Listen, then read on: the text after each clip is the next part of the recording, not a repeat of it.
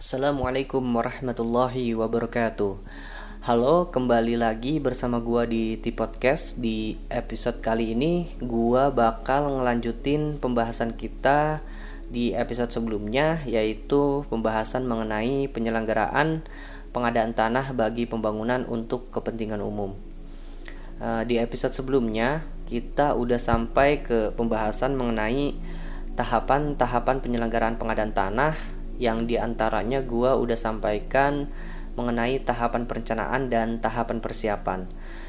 Nah, insya Allah pada episode ini gue bakal lanjutin ke tahapan ketiga dari empat tahapan pengadaan tanah, yaitu tahapan pelaksanaan pengadaan tanah. Dan untuk sedikit uh, mengingat, uh, sebelum kita membahas tahapan pelaksanaan pengadaan tanah, gue akan mengulang dan sedikit memberikan tambahan materi dalam tahapan perencanaan dan tahapan persiapan yang sebelumnya udah gue bahas. Oke, kita bahas sedikit mengenai tahapan perencanaan pengadaan tanah. Jadi, sebelumnya gue udah sampaikan uh, bahwa dalam kegiatan pengadaan tanah ini terdapat empat tahapan yang udah gue bahas dalam episode sebelumnya, yaitu dua tahapan pengadaan tanah. Yang pertama, tahapan perencanaan, di mana instansi yang memerlukan tanah itu jika mau menyelenggarakan pengadaan tanah uh, perlu membuat dokumen perencanaan pengadaan tanahnya terlebih dahulu. Untuk kalian yang mau tahu muatan dokumennya, kalian bisa dengar di episode sebelumnya. Nah, untuk sedikit tambahan materi dalam tahapan perencanaan ini, gua sedikit uh, menambahkan yaitu yang pertama, bahwa dokumen perencanaan uh, yang dibuat oleh instansi yang memerlukan tanah hanya berlaku dua tahun sejak ditetapkan oleh pimpinan instansi yang memerlukan tanah. Jadi selama waktu itu dokumen uh, bisa diajukan kepada gubernur. Dan kalau memang waktunya habis atau udah lewat waktu, maka dokumen tersebut perlu diperbaharui dan yang kedua uh, dalam hal untuk menyusun rencana pengadaan tanah uh, instansi yang memerlukan tanah akan melakukan koordinasi dengan eh, instansi-instansi yang terkait dan juga melibatkan tenaga ahli atau lembaga profesional dan yang ketiga untuk dokumen perencanaan pengadaan tanah uh, harus disusun berdasarkan studi kelayakan yang telah dilaksanakan oleh instansi yang memerlukan tanah. Jadi studi kelayakan itu uh, seperti survei uh, bertujuan untuk menghasilkan kajian uh, mengenai gimana kondisi ekonomi atau kondisi sosial di masyarakat yang akan diperkirakan uh, terkena dampak pengadaan tanah. Dan survei-survei lainnya seperti bagaimana kelayakan lokasinya, kemudian dianalisis biayanya serta apa sih manfaat pembangunan ini bagi wilayah yang direncanakan pembangunan. Dan studi-studi lainnya yang memang uh, dianjurkan atau disyaratkan oleh peraturan perundang-undangan tentang pengadaan tanah bagi pembangunan untuk kepentingan umum. Nah, studi kelayakan inilah yang jadi dasar perumusan dokumen perencanaan pengadaan tanah. Kemudian setelah dokumen tersebut disusun dan ditandatangani oleh pimpinan instansi yang memerlukan tanah, uh, dokumen tersebut kemudian diserahkan kepada pemerintah provinsi. Dalam hal ini adalah gubernur, dan tahapan ini akan dilanjutkan ke tahapan persiapan pengadaan tanah. Nah, uh, gue juga sedikit menambahkan dari diterimanya dokumen perencanaan pengadaan tanah oleh gubernur, kemudian jika memang dokumen tersebut diterima dan memenuhi syarat, maka selanjutnya gubernur dan instansi yang memerlukan tanah akan melaksanakan kegiatan uh, pemberitahuan rencana pembangunan, kemudian melaksanakan kegiatan pendataan awal lokasi rencana pembangunan dan melaksanakan kegiatan konsultasi publik. Jadi, gue juga sedikit menambahkan apa yang belum gue sampaikan di episode sebelumnya.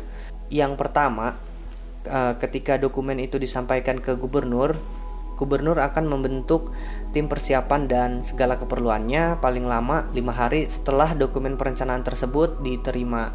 Adapun tugas dari tim persiapan itu adalah uh, bersama-sama dengan instansi yang memerlukan tanah melaksanakan kegiatan tahapan persiapan yaitu melaksanakan pemberitahuan, melakukan pendataan awal dan melaksanakan uh, kegiatan konsultasi publik. Kemudian yang kedua terkait dengan kegiatan konsultasi publik yang ternyata ditemukan adanya keberatan dari masyarakat atau pihak-pihak yang terkait dengan pengadaan tanah, maka gubernur akan membentuk tim lagi yaitu tim kajian yang tugasnya menginventarisasi masalah yang menjadi alasan keberatan uh, masyarakat atau pihak-pihak yang terkait dengan pengadaan tanah. Kemudian apabila diperlukan, tim kajian juga akan melakukan pertemuan dengan pihak yang mengajukan keberatan untuk memberikan klarifikasi dan menjelaskan kembali terkait uh, dengan rencana pengadaan tanah. Kemudian tugas dari tim kajian juga membuat rekomendasi apakah keberatan tersebut diterima atau ditolak. Nah, berdasarkan rekomendasi yang dibuat oleh tim kajian inilah yang nantinya dapat uh, menjadi dasar gubernur untuk mengeluarkan surat uh, diterima atau tidak diterimanya keberatan-keberatan tersebut. Untuk waktu kerja tim kajian ini uh, dalam menangani tugas-tugasnya dibatasi selama 14 hari kerja sejak diterimanya keberatan. Kemudian tambahan yang ketiga, apabila keberatan tersebut diterima, maka gubernur akan memutuskan dalam suratnya uh, bahwa instansi yang memerlukan tanah perlu uh, membatalkan rencana pengadaan tanah uh, atau memberikan rekomendasi untuk memindahkan lokasi pembangunan ke tempat lain. Kemudian apabila tidak ada keberatan atau memang keberatan tersebut ditolak, maka uh, instansi yang memerlukan tanah akan mengajukan permohonan penetapan lokasi ke gubernur. Dan yang terakhir, uh, berdasarkan peraturan perundang-undangan memuat mengenai uh, ketentuan jika pengadaan tanah ini adalah untuk tujuan proyek strategis nasional, maka permohonan penlok bisa diajukan langsung ke menteri tanpa harus ke gubernur. Di episode sebelumnya juga gua udah sempet tanya uh, ke kalian gimana kalau misalkan udah dikeluarkan penlok tapi masih ada keberatan. Uh, kalau misalkan ada kasus yang kayak gini, upaya hukum yang dapat dilakukan oleh pihak yang berkeberatan uh, adalah dengan mengajukan gugatan ke Pengadilan Tata Usaha Negara paling lambat 30 hari sejak dikeluarkan uh, penlok. Dan tambahan lagi untuk jangka waktu penlok ini sesuai dengan peraturan terbaru uh, penlok dapat berlaku uh, dengan jangka waktu 3 tahun dan dapat diperpanjang satu kali dengan jangka waktunya satu tahun.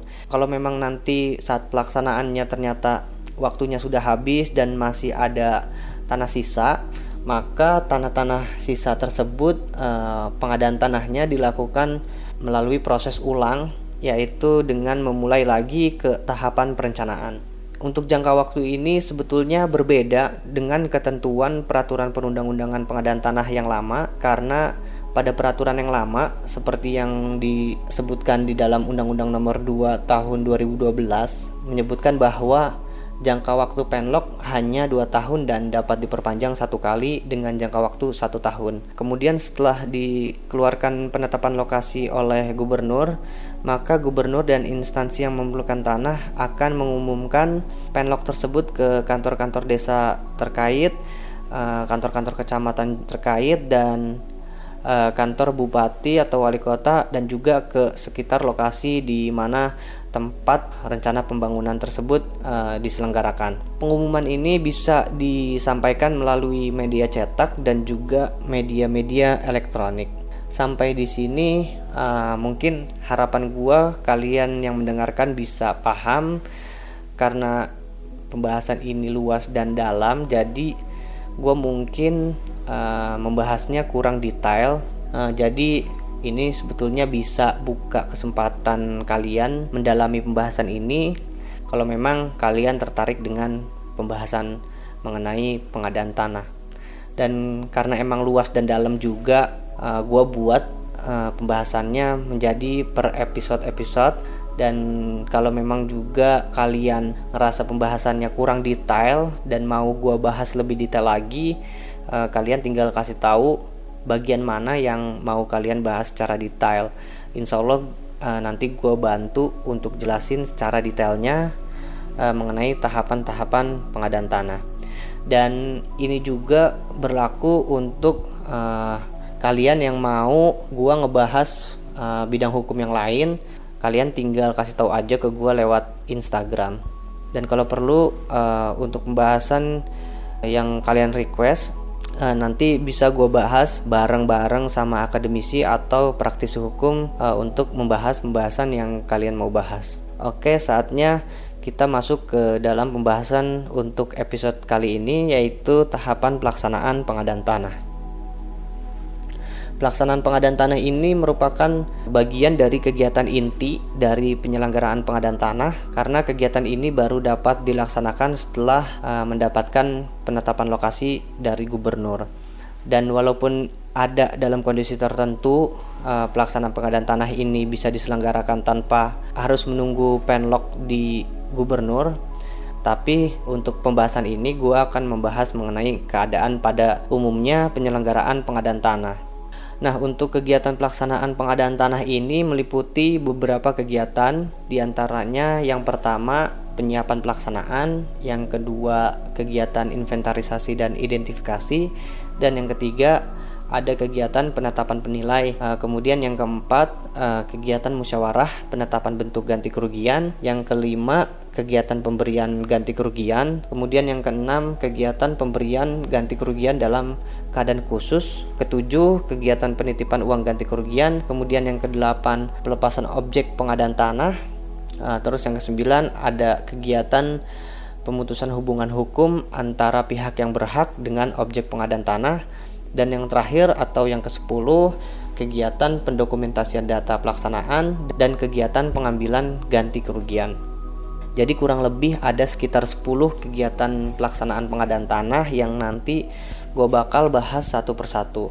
Namun untuk episode kali ini gue hanya membahas 4 kegiatan aja supaya nggak terlalu lama durasinya dan sisanya bakal gue bahas di episode-episode berikutnya.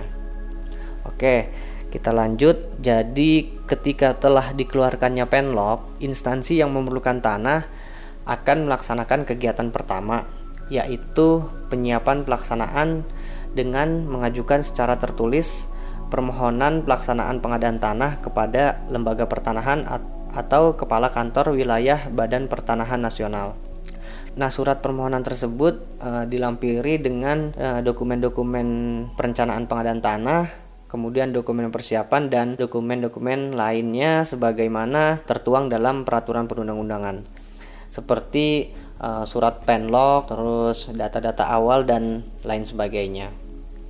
Setelah diterima permohonan tersebut, Kepala Kantor Wilayah BPN juga dapat menugaskan Kepala Kantor BPN Kota atau Kabupaten untuk menjadi Ketua Pelaksana. Nah, setelah diterima permohonan tersebut, eh, ketua pelaksana akan membentuk keanggotaan pelaksanaan pengadaan tanah yang terdiri dari eh, pejabat-pejabat di bidang pengadaan tanah, khususnya di lingkungan kantor pertanahan, dan kemudian perangkat kabupaten kota yang membidangi urusan pertanahan, kemudian eh, camat dan kepala desa yang bertugas di wilayah tempat diselenggarakannya pengadaan tanah. Pembentukan anggota ini paling lama eh, lima hari sejak diterimanya penugasan dari kepala kantor wilayah. Jadi yang gue sampaikan barusan itu khusus untuk penugasan kepala kantor kota atau kabupaten untuk menjadi ketua pelaksana. Nah, kemudian setelah disampaikan permohonan pelaksanaan pengadaan tanah dan udah juga dibentuk uh, susunan anggota pelaksanaannya, pelaksana pengadaan tanah akan membuat uh, rencana kerja, terus membuat rencana pendataan, kemudian membuat rencana pendanaannya, kemudian membuat rencana kapan waktu dan jadwal kegiatannya. Kemudian juga membuat rencana kebutuhan mengenai tenaga pelaksanaan dan lain sebagainya. Nah, setelah tahapan penyiapan pelaksanaan ini sudah dilaksanakan, kemudian kita akan membahas ke kegiatan kedua mengenai pelaksanaan pengadaan tanah yaitu kegiatan inventarisasi dan identifikasi. Kegiatan inventarisasi dan identifikasi ini dilaksanakan oleh satuan tugas yang dibentuk oleh tim pelaksana. Satuan tugas ini dibagi menjadi dua yaitu Satgas A dan Satgas B. Nah, Satgas ini umumnya diketuai oleh pejabat kantor pertanahan. Adapun tugas dari Satgas A dan Satgas B ini cukup berbeda, di mana eh, Satgas A ini melaksanakan kegiatan pengukuran dan pemetaan objek tanah yang akan terkena pelaksanaan pengadaan tanah. Kemudian hasilnya dituangkan dalam peta bidang tanah dan diberi tanda tangan oleh Ketua Satgas. Peta bidang ini juga yang akan digunakan untuk proses penentuan nilai ganti kerugian dan pendaftaran hak untuk kegiatan di kantor pertanahan.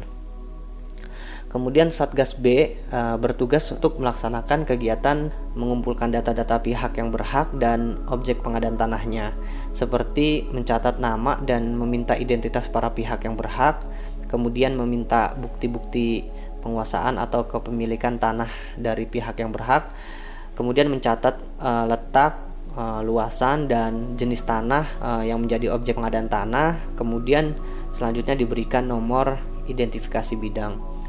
Hasil dari kegiatan ini dituangkan ke dalam uh, daftar nominatif dan digunakan juga untuk penentuan nilai ganti kerugian. Jadi kegiatan inventarisasi dan identifikasi ini menghasilkan peta bidang dan daftar nominatif. Kemudian hasil inventarisasi dan identifikasi inilah yang kemudian diserahkan kepada ketua pelaksana dengan berita acara hasil inventarisasi dan identifikasi. Berita acara hasil inventarisasi dan identifikasi ini kemudian diumumkan di kantor-kantor desa dan kantor kecamatan terkait, kemudian diumumkan juga di sekitar lokasi pembangunan atau di sekitar lokasi pengadaan tanah. Pengumuman ini bisa dilakukan secara bertahap, uh, parsial atau langsung. Jadi uh, tinggal disesuaikan aja sesuai dengan kondisi dan keadaan saat pelaksanaannya.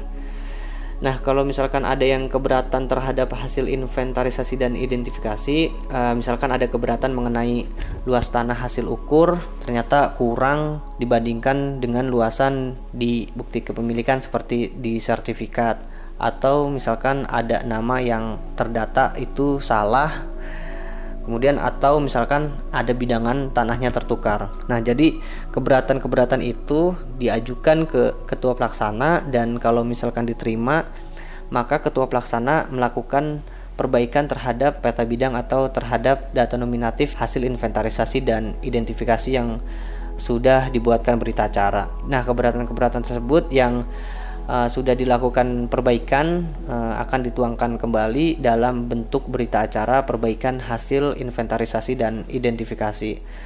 Namun misalkan uh, keberatan tersebut yang diajukan oleh pihak yang berhak ditolak, maka ketua pelaksana akan membuat juga berita acara penolakannya.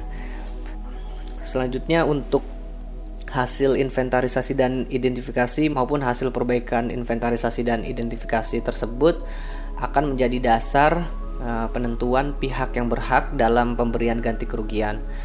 Uh, gue sampaikan juga untuk batas waktu pengajuan keberatan hasil inventarisasi dan identifikasi itu dapat diajukan 14 hari setelah hasil inventarisasi dan identifikasi tersebut diumumkan.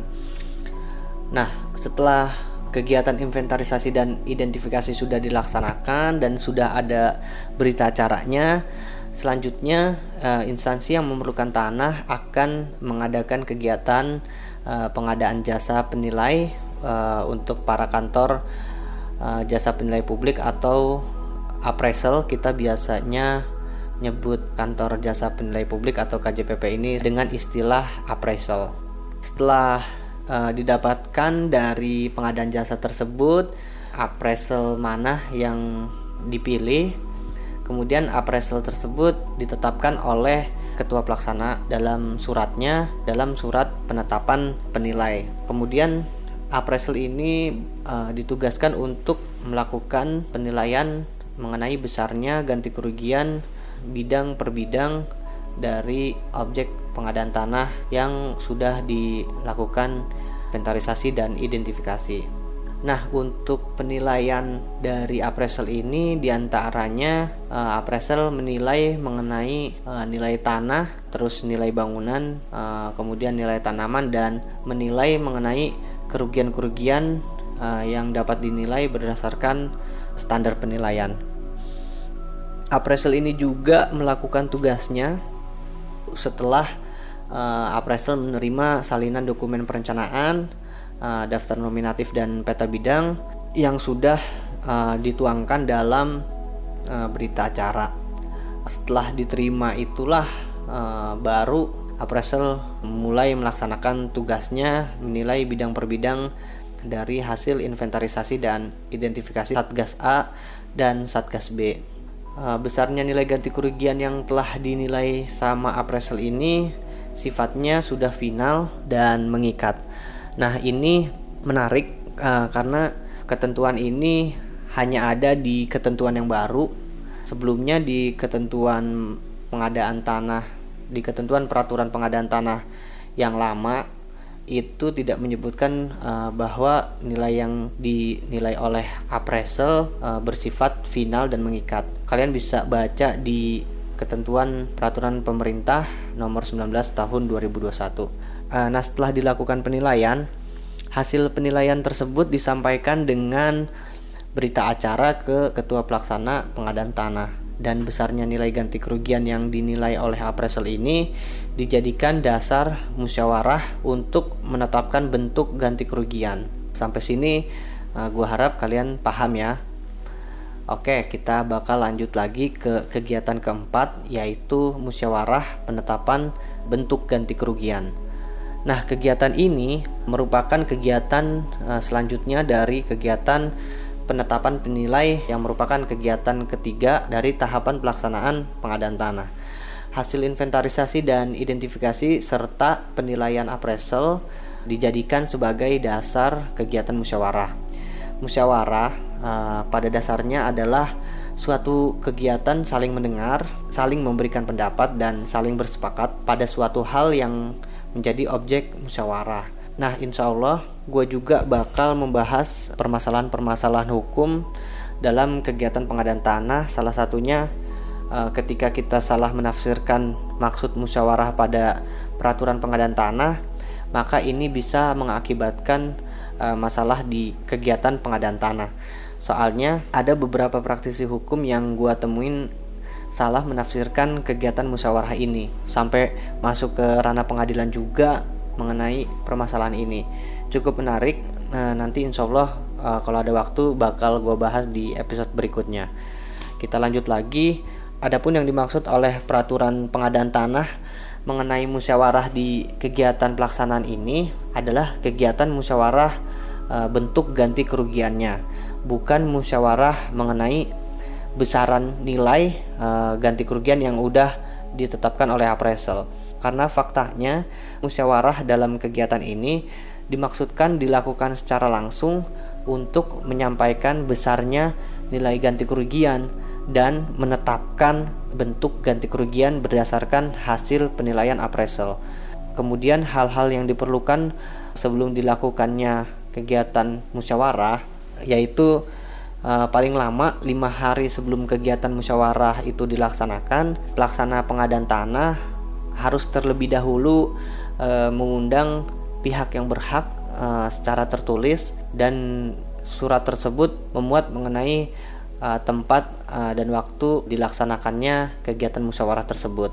Nah, surat tersebut juga e, disampaikan melalui kepala desa terkait e, dibuktikan juga dengan tanda terima. Jadi nanti yang menyerahkan e, surat undangan tersebut e, adalah tugas dari kepala desa atau lurah setempat.